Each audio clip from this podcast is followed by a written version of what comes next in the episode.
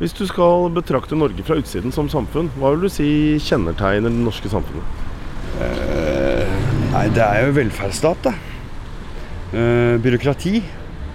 Det er verdens beste land å bo i. Verdens beste land å ha det vondt i. Og verdens beste land å gjøre noe dumt i.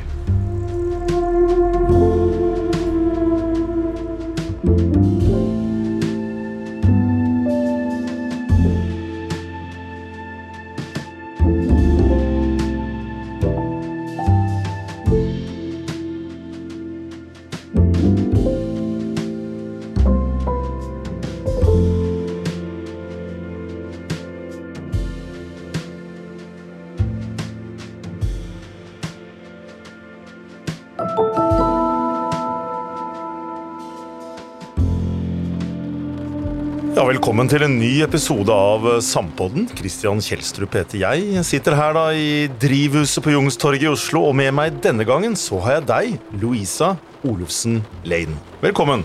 Tusen takk. Du er fast spaltist i Samtiden, og i dag skal vi rett og slett snakke om spalten din, som heter Louisas verden. Ja. Og nå hører vi at det regner ganske bra på taket på podkaststudioet vårt. Du, Louisa Olufsen Lane. Det er jo en interessant miks. ja. Hvem er du? Hvor kommer du fra? Som eh, ikke alle liker at man spør om, men jeg gjør det. Jeg er postdoktor i engelskspråklig litteratur på Universitetet i Oslo. Faren min er norsk, og moren min er fra Jamaica. Det er en bra blanding. Ja, nei, jeg liker å bruke begge navnene litt fordi at øh, jeg vil gjøre begge mine foreldre glad. Men også fordi at jeg syns at det er litt sånn Ja, jeg føler liksom at det er Når man kommer fra måte, Eller har røtter i to kulturer, da, så blir sånne ting litt sånn symbolladde, da. Det med navn og at man på en måte anerkjenner flere deler av det man kommer fra. Og det er jo det som karakteriserer spalten også, en blanding. Mm.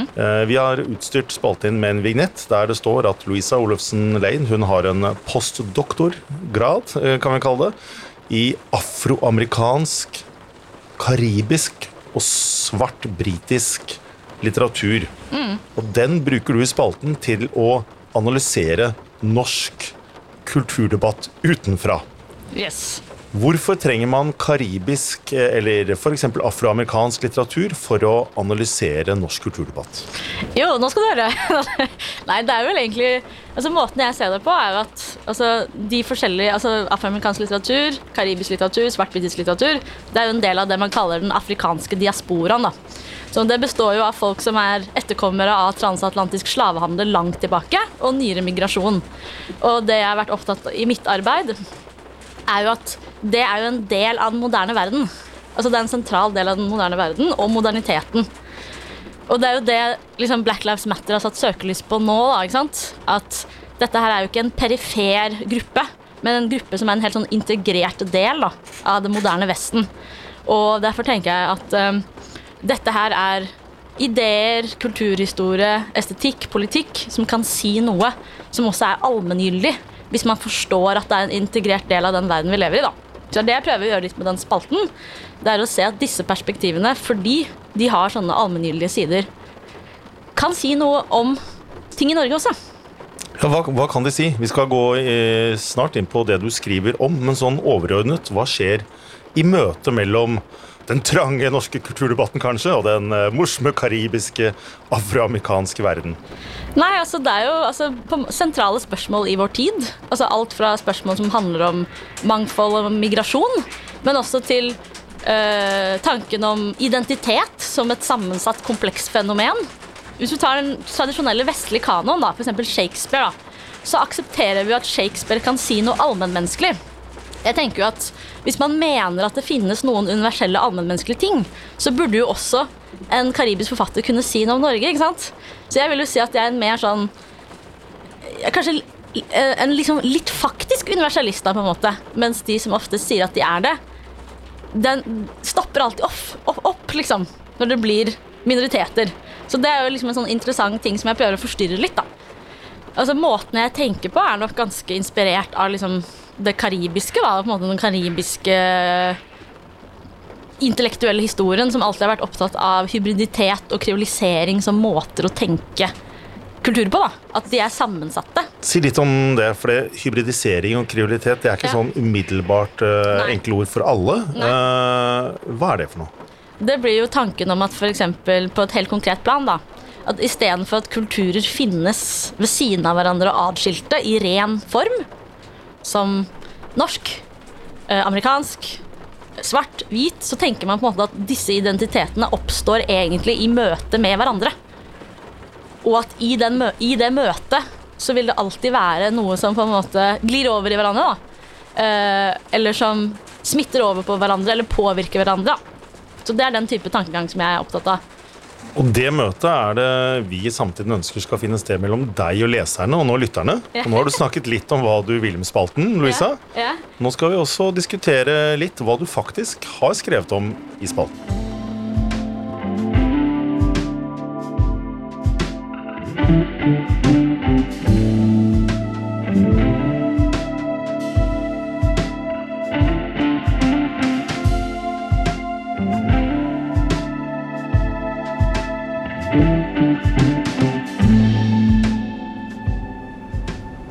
Hvordan ser eh, man på Norge fra et utland?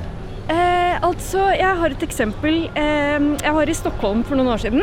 Stockholm ligger da i Sverige. Eh, da traff jeg en dame i Gamla stan som jeg tenkte å, jeg må spørre henne om veien til var en kirke eller noe sånt. Eh, og jeg spør på norsk, og da svarer hun meg på engelsk. Og denne dama var svensk. Og da tenker jeg at kanskje det Altså, det sier jo ikke noe om hele Sverige, men det sier noe om hennes syn på Norge, kanskje. At vi er litt uforståelige og rare og fremmed og Nei, jeg vet ikke. Jeg tror ikke hun representerer svenske flest, altså. Louisa Olufsen Lane, postdoktor og eh, fast spaltist i Samtiden. Eh, jeg sitter her med deg i Samtidens drivhus på Youngstorget, der det regner ganske bra. Den første teksten din den kom på trykk eh, mot slutten av fjoråret. Og eh, handlet om eh, Black Lives Matter. Ja. Og da hadde Black Lives Matter allerede pågått en stund, både i USA og verden og, Norge. Ja. Hvorfor var det du syntes det var eh, behov for å reintrodusere det begrepet og diskutere det eh, i samtiden? Rett og slett fordi at jeg hadde ikke sett det blitt gjort ordentlig. At det virket som på en måte alle hoppet på en slags form for nyhet. Men jeg så veldig, jeg, jeg så veldig få som på en måte forklarte litt sånn årsakssammenhengen. Og litt mer sånn kronologisk hva som har skjedd i kulturdebatt i store deler av den vestlige verden de siste ti årene. ikke sant? Jeg ville gjøre det fordi at jeg opplevde at selv om mange øh, ville diskutere det og prøve å forstå det, så synes jeg veldig mange gjorde gjorde det på en veldig sånn provinsiell måte. Litt sånn at tidsregninga i forhold til Black Lives Matter begynte i hvordan folk argumenterte og forsto fenomenet det øyeblikket det kom til Norge. Men det veldig få gjorde, var å forstå at det kom til Norge liksom, i, i, i, da det på en måte eksploderte internasjonalt. Men at det var jo nesten på en måte slutten på en bevegelse som, har bygd seg opp, og som har vist seg i kulturen på mange måter i mange år. Ja, og Det som rett og slett på en måte irriterte meg litt, da, alt, irritasjon er alltid sånn bra måte for å begynne å tenke ok, hva skal jeg si om dette her, var jo rett og slett at når folk skulle fortolke dette fenomenet, og det var det mange som prøvde, Blant annet noen som jeg nevner i den artikkelen, eller går litt sånn i polemikk med. Da. Så, så fortolket de det med det jeg mente var feil historiefremstilling. Altså, de, de, de, altså Den artikkelen som jeg blant annet nevnte der, da, diskuterer, som er den til Torkel Brekke. Torke Brekke er en Ja. religionshistoriker. Ja. Han er ikke med i studio i dag, men eh, ok. Ja, men bare et eksempel, da. Det var jo, ikke, det var jo mange forskjellige analyser som kom, da. Som var liksom opptatt av at jeg syns at det ble upresise og noen ganger dårlige analyser fordi man fortolket det som et fenomen som var plutselig. Var det, er, det, er det det han gjør? Ja, jeg opplevde det sånn. Det er ikke så greit å være opp det, men som en oppvåkning. Noe som plutselig, Nesten som en slags form for hysteri. ikke sant? Som sprer seg sånn plutselig. Men da mener jeg at da skjønner man jo ikke på en måte at folks reaksjoner, da, inkludert folks sinne og til tider eh, radikale meninger, er resultatet av en prosess som har foregått lenge. Det skjedde jo plutselig i den forstand at det var en eh, Ja. eruptiv eh, oppstand som Ja. spredte seg, og eh, eh, masse folk som tok til gatene og protesterte. Og så sier du at dette bygger jo på flere tiår med både teori og selvfølgelig erfart liv. Ja. Hva er det vi kan lære av den teorien du har med i bagasjen? Nei, I den artikkelen, da, kort sagt, liksom, for å si det veldig rett ut, så var det egentlig bare å si at folk må først sette seg inn i hva blackness er. Veldig mange tror at blackness uh, er knytta til en slags sånn ny radikal woke-bevegelse. At den er knytta til essensielle, rene identiteter. Mens det blackness egentlig har vært de siste 100 årene, det er jo et slags sånn eksperimentelt rom hvor man har stilt masse spørsmål om moderne identitet. Fra på en måte helt eks altså eksistensielle spørsmål på begynnelsen av 1900-tallet til en mer sånn radikal omfavningen av fikk, altså mer sånn øh, øh, Mer sånn skarpe identiteter på 60-tallet med Black Pride og sånn. Og så har du 80- og 90-tallet hvor det oppløses, og hvor man går litt utenfor det. Og det jeg prøvde å si i den artikkelen, det er at svarthet, selv om man på en måte omfavner en svart identitet, så er ikke den øh, nødvendigvis essensialistisk eller ren. Ikke sant? Det jeg ser nå, er jo veldig mye en slags sånn lekhet med hva svart identitet kan være. ikke sant?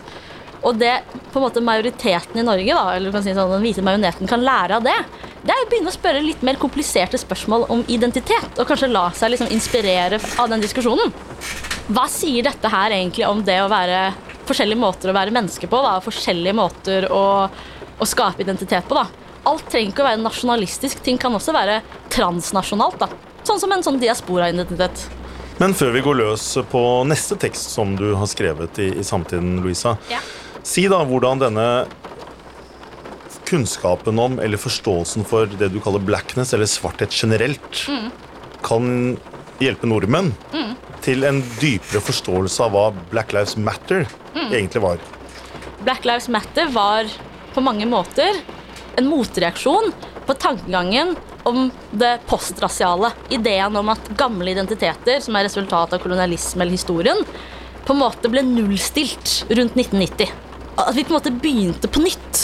Ikke sant? Og sånn er det ikke, sier du. Sånn er det ikke. Og Derfor er det også interessant da at, måte, at dette her kommer jo også etter Obama.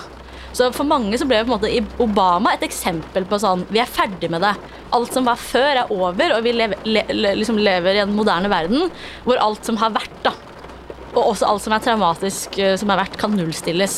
Så tror jeg mange, altså det Black Lives Matter på mange måter var, var mange som sa nei, dette gjelder egentlig ennå. Dette er en del av hverdagen min ennå. Dette er en del av verden min ennå. Altså, den erfaringen kan ikke fornektes av et slags sånt liberalt narrativ om at alle verdens problemer er løst. Og nå er Black Lives Matter allerede litt i glemmeboka, men så får vi vente, da, dessverre, til neste gang det skjer et eller annet uh, politiovergrep mot en uh, menneske med, med svart hudfarge eller lignende, og da kan man jo bla frem din tekst i samtiden for å få en litt mer kompleks forståelse av, av historien bak Black Lives Matter. Men så må vi til neste tekst som Ja. du skrev i samtiden, din tekst nummer to, Ja. og den het 'Fra konsensus til uenighet'. Hva er det du skriver om der, da? Altså, Det var en tekst som, også, som er knytta til en del av det samme. da. Men det er på en måte det der med at jeg føler at veldig mange i norsk offentlighet uh, de går i takt hele tiden og løper etter det samme. Hvis det kommer en trendbok, da, sånn som Thomas Piketty for eksempel, da, eller Edvard Louis, eller den der Cynical Theories, den anti-walk-boka, så refererer alle til den boka. For da har liksom alle lest den boka. Men det skjer jo litt mer enn det på et tidspunkt i historien. ikke sant? Så det gjør jo også på en måte at veldig mange av analysene blir like. Og meningsrommet blir også veldig likt. Og det er jo interessant, syns jeg, med tanke på at verden ellers, da, som jeg opplever utenfor Norge, går egentlig litt i motsatt retning. Så jeg, jeg bare syns det er en litt sånn derre Der syns jeg en- det er- at man har en litt sånn Veldig mange har en litt sånn konservativ holdning i Norge. Som er litt sånn at kultur skjer ett sted, og det skjer i én bok, og det skjer i én kategori. Mens egentlig så er det masse forskjellige ting som skjer. Og det må vi begynne å snakke om. Vi leser ikke det samme. Det er ikke noen forventning om at alle skal lese Thomas Piketty eller eh, Edvard Louise. Vi kan ikke ha det som utgangspunkt for å forstå vår samtid. Så vidt jeg kan erindre, så skrev du også om enda flere ting i den relativt korte teksten din. Uh, uh, og det var det følgende, nemlig at samfunnet, Ja. og dermed også medieoffentligheten, Ja. beveger seg i retning, skal vi kalle det en fragmentering, eller en uh, iallfall uh, som, som, du, som du for så vidt sa, da, det er litt annerledes enn den mer sånn monolittiske Ja. eh, tiden da alle benket seg rundt eh, TV-apparatet for å se på Dagsrevyen. Nå Ja. henter man informasjon fra veldig mange steder. Ja. Samtidig med det så har man et ideal om pressens angivelige objektivitet. Ja. Og det er det noe du skriver om. Hvordan kan man på den ene siden anerkjenne kompleksiteten i medieoffentligheten, Ja. og samtidig ha en mest mulig edruelig samtale? da? Ja. Hvordan løser man det dilemmaet? Det er jo der jeg tenker at mangelen på mangfold i den norske medieeliten og de forskjellige elitene viser seg. Fordi at eh, folk løper jo også mye i takt fordi de kommer fra litt samme verden og er litt, eh, har litt samme verdensbilde. Og så er det ikke mange nok som kommer inn og sier Hei, vet du hva, dette er ikke noe referansepunkt for meg. ikke sant? Så det er jo det som jeg også mener liksom, Så jeg, mitt inntrykk, og dette er bare en subjektiv mening, det er at den, øh, det som er på en måte medien i Norge, og på medieklassen, den er ikke bare fjern fra øh, liksom én gruppe, men veldig mange grupper. ikke sant? Sånn at liksom alt fra unge folk med flerkulturell bakgrunn til folk med tradisjonell arbeiderklassebakgrunn liksom, Det er veldig mange som begynner å føle seg fremmedgjort av denne medieverdenen, og da må man jo begynne å stille seg selv spørsmålet hvorfor det er sånn. Ja, Vet du det? Har du spurt dem? Jeg har nesten aldri lest noe i norske aviser som jeg selv har følt meg representert av. Så det er jo en subjektiv erfaring. Når jeg snakker med andre, så er det mange som beskriver det samme. Og da tenker jeg jo at uh, hvis man er i en verden hvor alle føler seg representert, da er man jo mest sannsynlig i en verden som ikke er spesielt mangfoldig, da, og som er veldig homogen. For da er det jo 'everything is good'. ikke sant? Da er alt er godt, og alle er fornøyd. Det var fint sagt. Men, men det har jo skjedd en, en, en absolutt endring, vil jeg hevde, da, Ja. i medieoffentligheten de siste 10-15 årene. Ja. Når du ser på tross alt da, hvem som er representert av ulike mennesker med, fra journalist til spaltist eh, til programledernivå, når det gjelder både språkbakgrunn og etnisk bakgrunn. Men du mener at fortsatt så er det mye å gå på? Jeg ser at det har skjedd interessante ting siste par, tre, fire årene. Det er veldig gøy å se. Det er positive ting, og det det er ting som man på en måte heies fram. Da. Men jeg tror at sant? Igjen, det har å gjøre med hvem man prater med. Alle jeg prater med, syns det har gått håpløst treigt og føler seg veldig fremmedgjort. Og jeg er jo noen som jobber på et universitet, og som også på en måte har tilgang til det. Så da tenker jeg jo at det er nok mange stemmer vi ikke hører, som kanskje føler Men hvem er det du prater med? Hva har de til felles? Nei, det er vel kanskje Det er vel en blanding av generasjonsmessige ting. At man er en generasjon som kanskje f.eks. er vokst opp med eh, liksom I hvert fall i overgangen da, til internett og forskjellige kilder, som er vokst opp kanskje i klasser hvor folk har ulik bakgrunn. Eh, for min del så har det nok å gjøre med at jeg er fra Oslo, og alltid er vant til at folk lever helt forskjellig.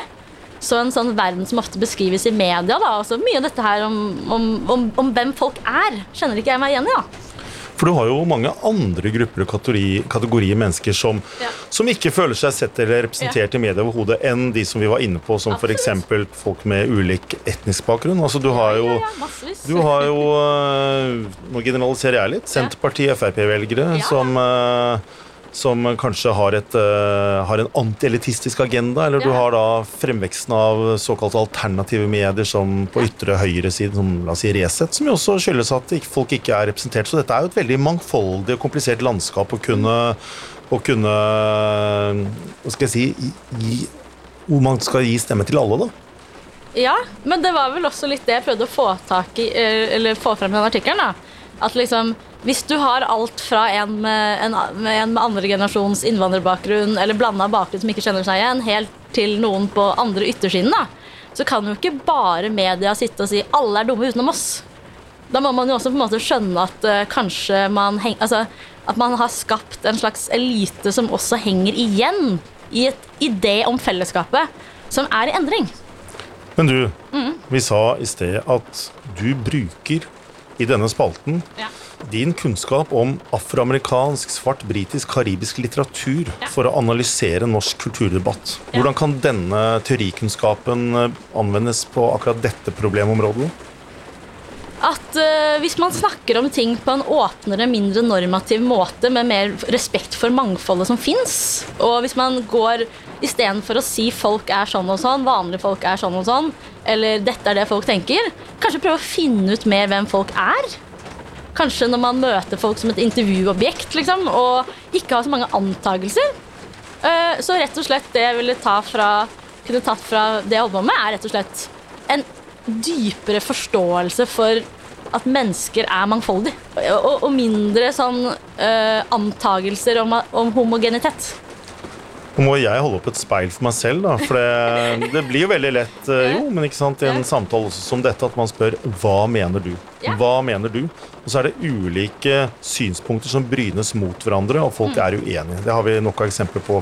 Dagsnytt 18 for eksempel, sitter en fra høyresiden, en fra venstresiden. Og så, så mener de uh, ulike ting. Mener du at journalisten helt konkret oftere skulle spurt hvorfor mener du det du mener? Uh, ja. Og så kanskje også finne ut om de faktisk mener det. For det, ikke sant? For det er jo på en måte basicen. At man tillegger folk også mye meninger. Og folk forandrer seg også, og det norske øh, samfunnet forandrer seg. Så egentlig det kort fortalt i den artikkelen var opptatt av å øh, egentlig si, er at hvor er de nye analysene? Kan man snakke om Norge som om det var 1994? Og at alle politiske posisjoner er helt like? Eller må man kanskje begynne å sette seg ned, da dette blir jo en jobb for eh, neste generasjon, kanskje, og si hva har skjedd? Hvor er folk nå? Jeg vet svaret, Louisa, hvor ja. de nye analysene er. De er i spalten i samtiden som heter Louisas verden. Ja, det var veldig raust. Takk, takk det. var veldig... Jeg prøver å smigre meg her, da. Men du, eh, før vi går videre til neste tekst, ja. så het altså denne teksten vi nå diskuterer, den het 'Fra konsensus til uenighet'. Begge de begrepene er positivt ladet. Mm. Konsensus det er noe som ble snakket mye om under koronaen. Nå mm. må vi være enige og samarbeide. Ja. Og så er jo verdien av uenighet i demokrati den er udiskutabel. Mm. Eh, hvordan finner man eh, i en komplisert, fragmentert offentlighet mm. eh, den gylne middelvei mellom de to eh, størrelsene? Altså, det er jo det som er det vanskelige spørsmålet. Men jeg tror jo jeg, jeg er en stor tilhenger av representasjon at hvis du får ulike mennesker inn i steder der hvor uh, premissene blir satt, så vil premissene også ramme flere. Sånn at hvis du har uh, et journalistisk team, f.eks., hvor alle er sånn Hvis alle tenker at uh, ja, men det er jo helt vanlig at man gjør et eller annet, da. Altså f.eks. Um, ehm, forstår identitet på en måte, da. Så kanskje noen andre sier nei, vet du hva, jeg, jeg har en annen forståelse av det. Så du får på en måte en slags sånn spennvidde i premissene som man setter når man går ut. Hvorfor skal man dekke en sak? Hvorfor skal man ha en viss overskrift? Alle disse tingene her er noen premisser. Uh, og noen ganger så tenker jeg at det er, det, er, det, er, det er, for få premisser. Det er liksom, Noen ganger når jeg leser norske aviser, tenker jeg finnes det bare to verdensbilder, liksom?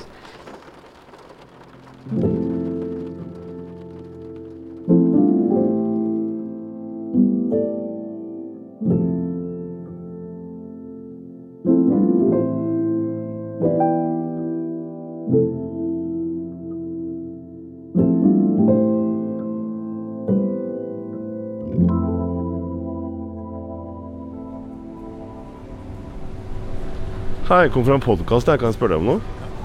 Hvis dere skulle betrakte Norge fra utsiden, hva slags samfunn tenker dere at Norge er? Ja, Det er jo noe jeg ville sett opp til, kanskje. Eh, for det er jo Vi har det veldig bra her eh, i Norge. Og eh, Nei, jeg vet ikke. Hva, hva tenker du? Kanskje det kan virke litt, litt kalde fra først, men vi er jo veldig hyggelige og gode mennesker. If you look at Norway, how, how would you describe the Norwegian society?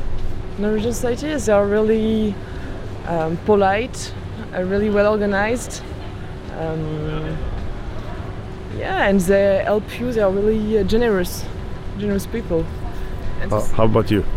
This is a really multicultural country, uh, which is really, really open-minded. Um, I think that's it. Uh, education there is really high level. That's it. There's a lot of cliche, but Norwegian people are really kind to us, and they won't help you till you, you find a solution. If you if you're lost or something, they really want to help you. Yeah.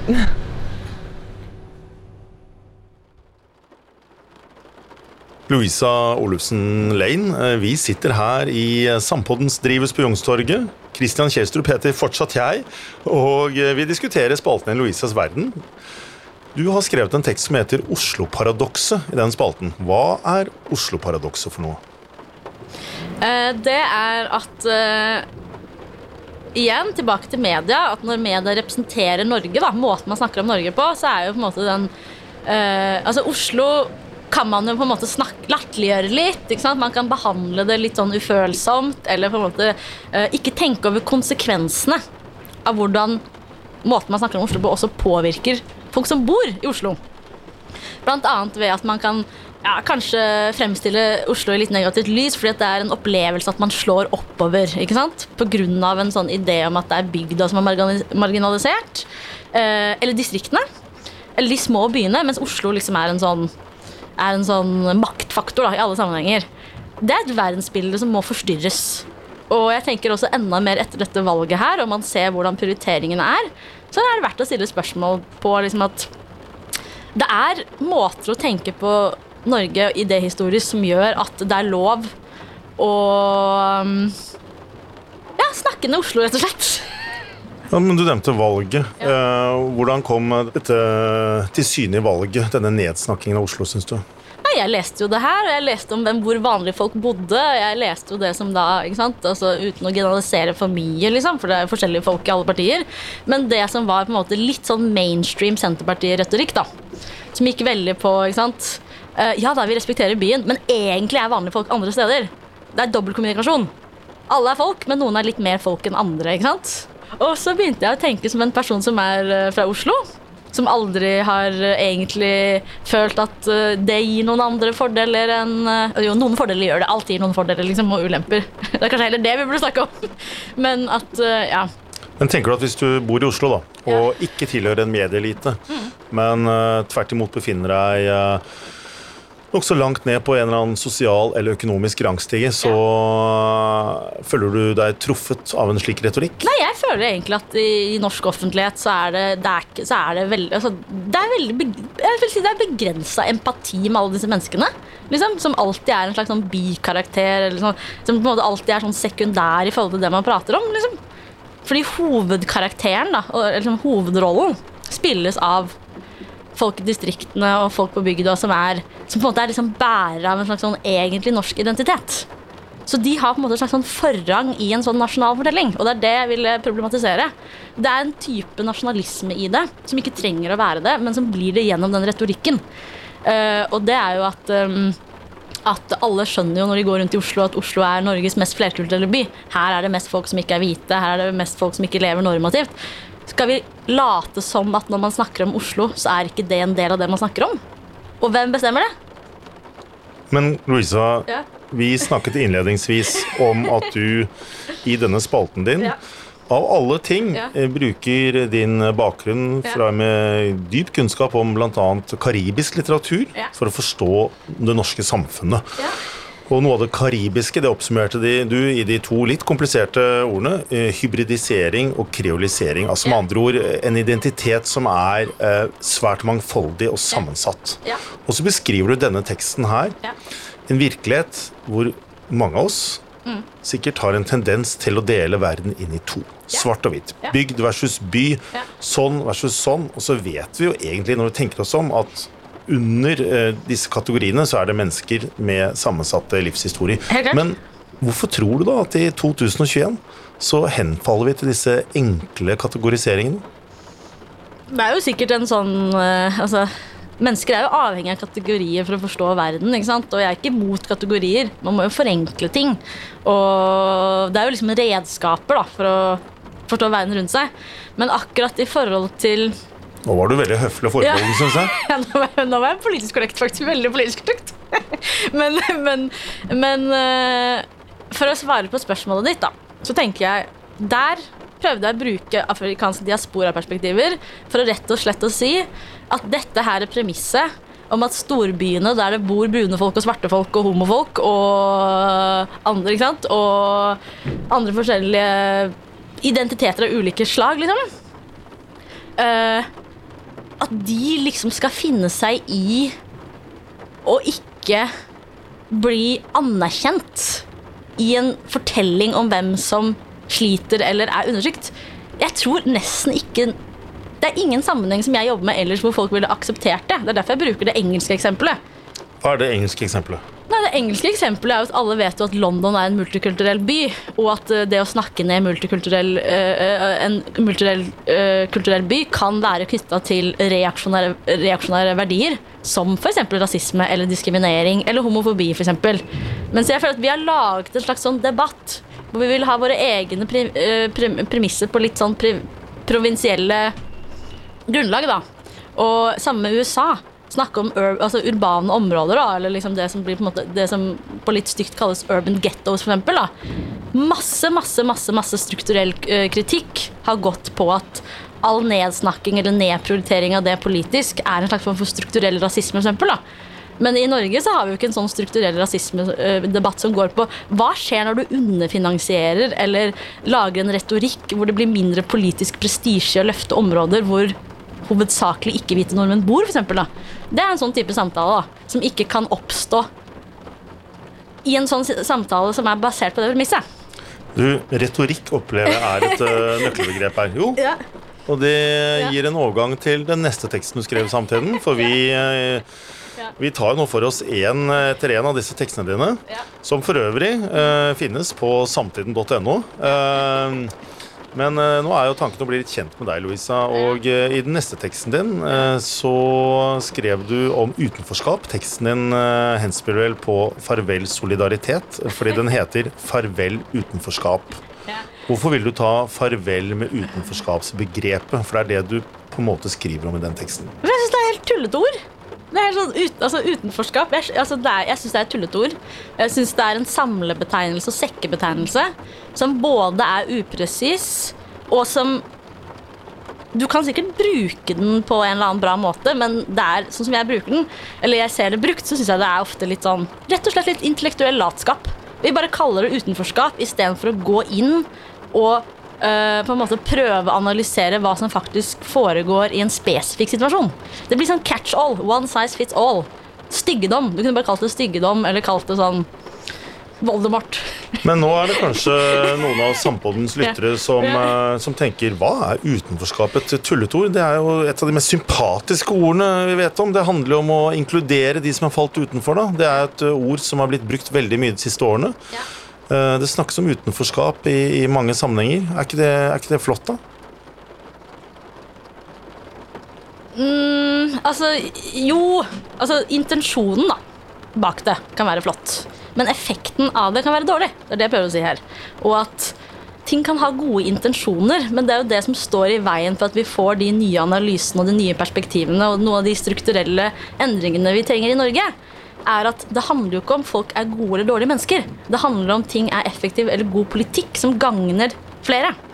Hvis målet ditt for å snakke om noe er at man selv skal føle seg som man har gode intensjoner, så betyr ikke det nødvendigvis at det hjelper de du skal hjelpe. da. Og det var det jeg ville utfordre. Du sier at utenforskap er et sekkebegrep. du. Ja. Betyr det at det på en måte skygger for de reelle problemene som da denne sekken inneholder? da? Enten det er rasisme, eller det er fattigdom, eller andre former for nå bruker jeg det ordet, mer Ja. spesifikk utenforskap.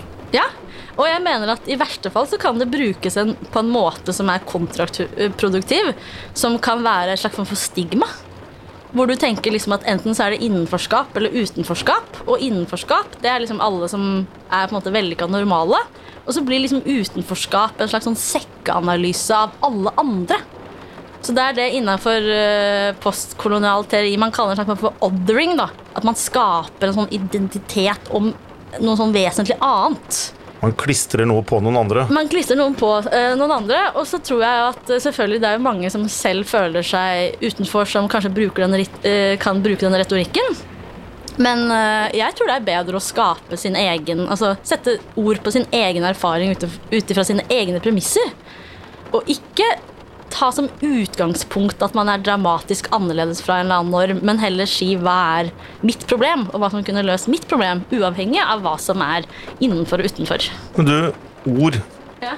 røper jo ofte noe om virkelighetssyn. Ja. I teksten din så griper du fatt i to ulike definisjoner av utenforskap på henholdsvis norsk og engelsk. Ja. Hvordan er de to ulike definisjonene ulike? Nei, altså det, det er jo derfor jeg reagerer på bruken av det ordet, da, fordi at uh, den litteraturen som jeg driver med, som er engelskspråklig, har ikke tilsvarende ord. Bruker ikke ord, beskriver ikke det å være annerledes, det å være utsatt for rasisme eller vold eller rus. Det beskrives ikke som utenforskap. Men minn oss på definisjonen på henholdsvis norsk og engelsk av utenforskap. Altså, Det var jo én definisjon, da, bare for å, måte, få, for, for å få fram det jeg prøvde å si. Og det var jo at på den norske Wikipediaen så er jo utenforskap en tilstand. Altså det er sånn, Du opplever utenforskap, du er i utenforskap. Hvis du trykker på engelsk versjon av samme artikkel, altså klikk English, så står det 'social rejection'. The experience of being excluded from a group. Det er to helt forskjellige ting. Og jeg mener at i den litteraturen jeg leser på engelsk, så handler det mer om, at, om ekskludering. Altså det handler om social stigma. Ja, Forskjellen er at eh, det er enten noe som du er i, eh, mens det andre er at det er noe som aktivt påføres deg. Ja, Og som skjer med deg. Pga. andres reaksjoner på deg. Hvordan forandrer den, den forskjellen mellom de to begrepene hvordan forandrer den for deg synet på utenforskapsdiskusjonen nå? Nei, at, at det, det, det, det Når vi snakker om utenforskap som på en måte noe, en tilstand, da, sånn som vi ofte gjør i Norge, så blir det en ansvarsfraskrivelse. For det jeg mener at vi egentlig burde snakke om, er hvorfor skaper vi en sånn norm som gjør at alle som er annerledes, blir knytta til et samfunnsproblem. For det er en selvoppfyllende profeti. Hvis du er en ung person da, som, det, som, faller ut av skolen eller har et rusproblem Hvis, sitter, hvis alle rundt deg er foreldrene dine bare 'Å nei, nå kommer den personen, det er utenforskapet', bla, bla, bla, så vil jo det være et negativt budskap mot den personen. Ikke sant? De vil bare knytte den opplevelsen, den livserfaringen de har, til noe som vil være skadelig for dem og samfunnet. Men istedenfor så kanskje man kan tenke ok, du har et problem med skolen. Det kan være et, øh, et resultat av forskjellige ting. Det er ett tema man må ta tak i.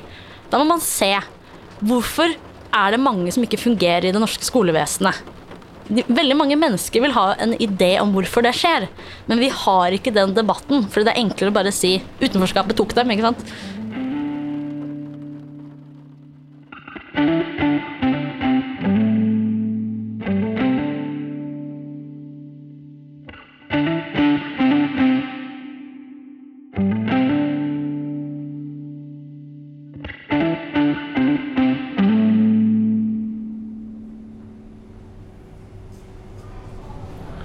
Hei, jeg kom fra en podkast. Kan jeg spørre deg om noe? Hvis man ser på Norge fra utlandet, hva slags samfunn tror dere at utlendinger tenker at Norge er? Eh, ganske sånn fra hverandre. I så fall fra mediet så virker det som at norske folk ikke er så veldig glad i å være sammen. Ja, det er veldig spredt rundt. Kaldt, kanskje. Sånn eh, sosialt, på en Ja. måte. Ja. Men dere står på topp, dere var ikke kalde. Vi er ikke norske. Er det ikke det, altså? Det, det snakker norsk. Uh, ja, ja. men uh, Hvor er du fra, da? jeg er fra Litauen. Jeg er fra Hellas. Egentlig jeg synes Norge er bra. Det er veldig fint samfunn. eh, Folk i Norge er snille. Jeg føler meg bra, egentlig. Hvor kommer du sånn opprinnelig fra, da, hvis jeg kan spørre deg om det? Uh, Jeg er fra Afghanistan. Louisa Olufsen Lein, du er samtidens uh, hittil uh, ferskeste spaltist, men du har allerede rukket å skrive en del tekster, og den siste den står på trykk i samtidens nyeste nummer som er ute nå. Og den uh, handler om tidspolitikk. Og da må jeg spørre igjen, jeg. Hva i all verden er tidspolitikk? Ideen med den artikkelen da, er å fremheve at i mange politiske debatter så må man jo overtale folk om hvilke løsninger man mener er riktige løsninger for noe. da. Ikke sant? Men da må man jo også klare å formidle en slags sånn idé om hva som er samtidens viktigste, temaer. Altså Hvis man mener at f.eks. miljøsaken er veldig viktig, så kan man jo lansere noen løsninger. Men hvis man sier at nei, men vår samtid er ikke, kjennetegnes ikke av at det er et problem, da, ikke, da vil jo ikke de løsningene være attraktive heller. Da. Så jeg mener at man må, man må alltid liksom etablere noen temaer som viktige og relevante for hva som er nå. Og i forhold til mangfoldsdebatten så mener jeg at der er tidspolitikk veldig sentralt. For de som mener at mangfoldsdebatten er uh, en av vår tids viktigste saker, de har jo en idé om at samtiden kjennetegnes av mangfoldet. Og på en måte kampen for det mangfoldet. De som ofte mener at vi ikke trenger løsninger, de vil jo kanskje si at det er ikke et problem. Fordi at vi har mangfoldet allerede. Så det er på en måte ulike tidsforståelser. Eh, noen mener at mangfoldet kom for lenge siden. At det er ferdig snakka. Andre mener at vi venter på det. Og noen mener at vi har fått det. Hvordan skal da man da forene alle disse ulike, og kanskje seg imellom konkurrerende tidsforståelsene? Nei, jeg tror kanskje det å være bevisst på det. Og at for eksempel at når man er uenig om en mangfoldsdebatt, da, det er jo det jeg prøver å gjøre i den artikkelen, da, så prøver jeg jo kanskje å si da, til de som ikke forstår hvorfor dette er så viktig, og si sånn Men er du da enig i Nå snakker jeg sånn du, nå snakker jeg om denne motstanderen. At dette her er noe som kjennetegner vår tid. Er mangfoldet noe som kjennetegner samtiden sånn som du ser det? Det er et spørsmål jeg ville likt å spørre folk som ikke mente at det var så viktig å prioritere det. Rett og slett fordi jeg ville visst Opplever vi at vi lever i samme samtid? For det er ofte det jeg mistenker at vi ikke gjør. skjønner du. Men du skriver Ja. i teksten din Ja. en setning som jeg husker ekstra godt, for jeg syns den er fin. Den er enkel. Eh, og du skriver rett og slett Stillhet er sjelden et godt tegn. Ja. Og med det mener du at hvis et tema er eh, opplevd som ferdigsnakka, at Ja. nå har vi nå har på en måte løst det, nå kan vi gå videre, Ja. Eh, og man hører ikke så mye fra den eller den minoriteten på en stund, Mm. da er det grunn til nettopp å, å grave litt dypere, mener du? Ja, det mener jeg absolutt. Og så mener jeg også at eh, ja, Ta f.eks. i forhold til et tema som rasisme. da. Eh, Når mange historier kom fram eh, om rasisme i Norge etter Black Lives Matter, så var det manges reaksjon som var sånn Hvorfor har jeg aldri hørt om dette her før? Ergo, derfor kan det ikke ha fantes, og derfor kan det ikke ha vært der. Så de har en slags sånn tidsforståelse som er basert på at det jeg ikke ser, eller er bevisst på, det fins ikke. Ikke sant? Men da har de jo, de burde jo sette seg ned og tenke over at det har jo skjedd masse ting i verden som ikke de har fått med seg. ikke sant? Blant annet andre menneskers erfaringer. Og um, det som er spennende nå, er jo at uh, veldig mange minoriteter i Norge kommer og forteller om ting som skjer tilbake i tid. Som viser jo at den tidsoppfatninga som mange har hatt Å, alt er så bra, alt er så koselig og sånn, og det skjer ikke sånn på vårt lille sted og sånn, den har faktisk ikke stemt. Men fordi de har hatt en viss informasjon og en viss type erfaring, så opplever, har de hatt en helt annen opplevelse. da. Så det var bare som å fremheve et annet aspekt ved disse uenighetene i vår tid. da. Men du, Nå er vi jo nesten inne på en filosofisk diskusjon. For det, jo, men hva, hva tid er, og hvordan den eh, eh, sanses og oppleves, det er komplekst. Mens i virkelighetens verden så deles den ofte inn enten på urskiven i, i, i faste sekvenser, eller i politikken i fireårsperioder. Eller så har du av og til analyser som kommer med f.eks. han du nevnte i sted, Francis Fukuyama, amerikansk eh, statsviter og historiker, som skrev 'The End of History', hvor han mente at nå har historien kommet til en slutt. Det var etter den kalde krigens uh, slutt. Eh, Nå er det bare demokratiet som står igjen etter kommunismens død. Det du vel ønsker å anskueliggjøre, da, er slik jeg leser at historien er ikke lineær, den er kompleks, og ulike fenomener kan dukke opp igjen senere i historien med ulike, ulike vridninger, da. Ja. Og grunnen til at jeg vil fremheve det, er jo fordi, nettopp som du sa, mangfold er en filosofisk diskusjon. Det er en eksistensiell diskusjon. Og jeg tror at hvis folk hadde tatt inn over seg det, så hadde det ikke vært noen argumenter mot mangfold. Hvis man var en egalitær, på en måte rasjonell person.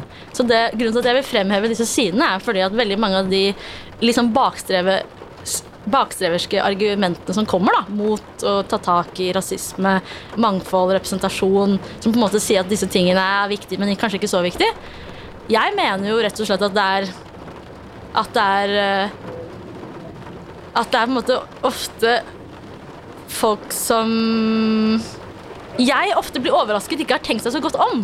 Fordi har de sett på disse her eh, filosofiske sidene av det? Har de stilt seg disse her eksistensielle spørsmålene? Og har de lurt på dette her med hvordan deres eget perspektiv faktisk grunnleggende er annerledes enn en person ved siden av deg? Selv om du tenker at den personen er helt lik deg selv. Du tenker å, vi har det så koselig. Har man tatt inn over seg at den personen faktisk kan ha en helt annen opplevelse? Det tror jeg mange ikke har. Og det tror jeg er på tide. Fordi det er det som er en slags form for humanisme. da. Er å anerkjenne det, tenker jeg. Det var så flott formulert. Du kan trykke det på en T-skjorte. Men tidspolitikk heter teksten din. Du kobler dette med tiden til politikk. Så da lurer jeg på, Louisa Hvis en politiker, eller flere, fra Frp eller Arbeiderpartiet eller Høyre eller Senterpartiet eller KrF eller Venstre eller hvilket som helst parti sitter på Politisk kvarter og diskuterer uh, samferdsel eller uh, skatt, uh, politikk eller helsepolitikk, hvordan mener du at de eventuelt også skal ha tidsbegrepet for seg i den daglige utformingen av disse politiske spørsmålene? Altså, det er vel for eksempel det der Hvor mye haster noe, da? Vi skal gjøre prioriteringer. Hva haster? Da vil jo noen si ja, men det er åpenbart at vi må sant? Vi dropper den jernbanen, og så sørger vi for at vi får det sjukehuset istedenfor. Men er det åpenbart hva som haster mest, egentlig? Vil alle være enige om hva som haster mest? Mest sannsynlig ikke. Så de må jo overtale hverandre, da. Ikke sant? Og det prøver du å gjøre hele tiden. Ja. Eller sånn som miljøsaken.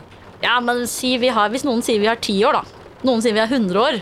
Så vil jo det helt klart prege hva vi prioriterer først. da. Så jeg tenker jo at Selv om det høres litt sånn flummig og abstrakt ut, så er det jo bare sånn at for å få politisk eh, oppslutning om noe, så må du overtale folk om at eh, når det skal skje, hvorfor det skal skje, og hvorfor det skal skje før noe annet. Og jeg mener at mangfold burde prioriteres fordi at jeg mener at mangfold er en av de sakene som må skje først. Rett og slett. Men du Louisa, vår tid begynner å nærme seg slutten. Ja.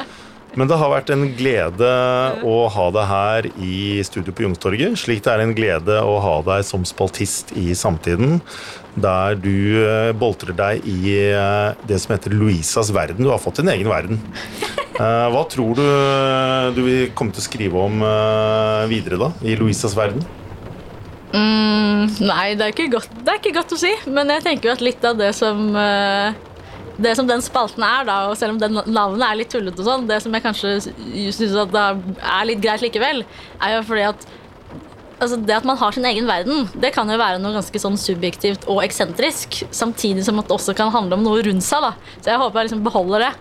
Beholder det der som er på en måte både mitt eget blikk, som kanskje helt, kan virke helt fjern for andre, samtidig som at jeg prøver å ta inn alle disse perspektivene da, fra andre kultursfærer og sånn. Vi kunne jo ha gått i andre retninger. Jeg kunne jo ha spurt en person med polsk eller argentinsk eller uh, vietnamesisk bakgrunn om å, om å bruke sin kunnskap eh, til å analysere norsk kulturdebatt. Nå ble det en dose afroamerikansk slash karibisk slash svart britisk litteratur. Og det er jo flott, det. Ja, nå var det det. Men da takker vi for oss fra Drivhuset. Kristian Kjelstrup heter jeg. Jeg er redaktør i Samtiden. Du som har uh, hørt på Sampodden, har, uh, har hørt på vår faste spaltist Louisa Olufsen Lane. Og uh, her kommer en liten forsmak på hva du kan få høre neste gang i Sampodden. Hei, jeg heter Ole Martin Moen. Jeg er filosof og professor ved Oslo OsloMet og spaltist i Samtiden, der jeg har en spalte som heter Samtiden fra framtiden, der jeg forsøker å se på ulike aspekter ved tiden i dag fra fremtiden. Fra 100, 200, 300 år inn i fremtiden.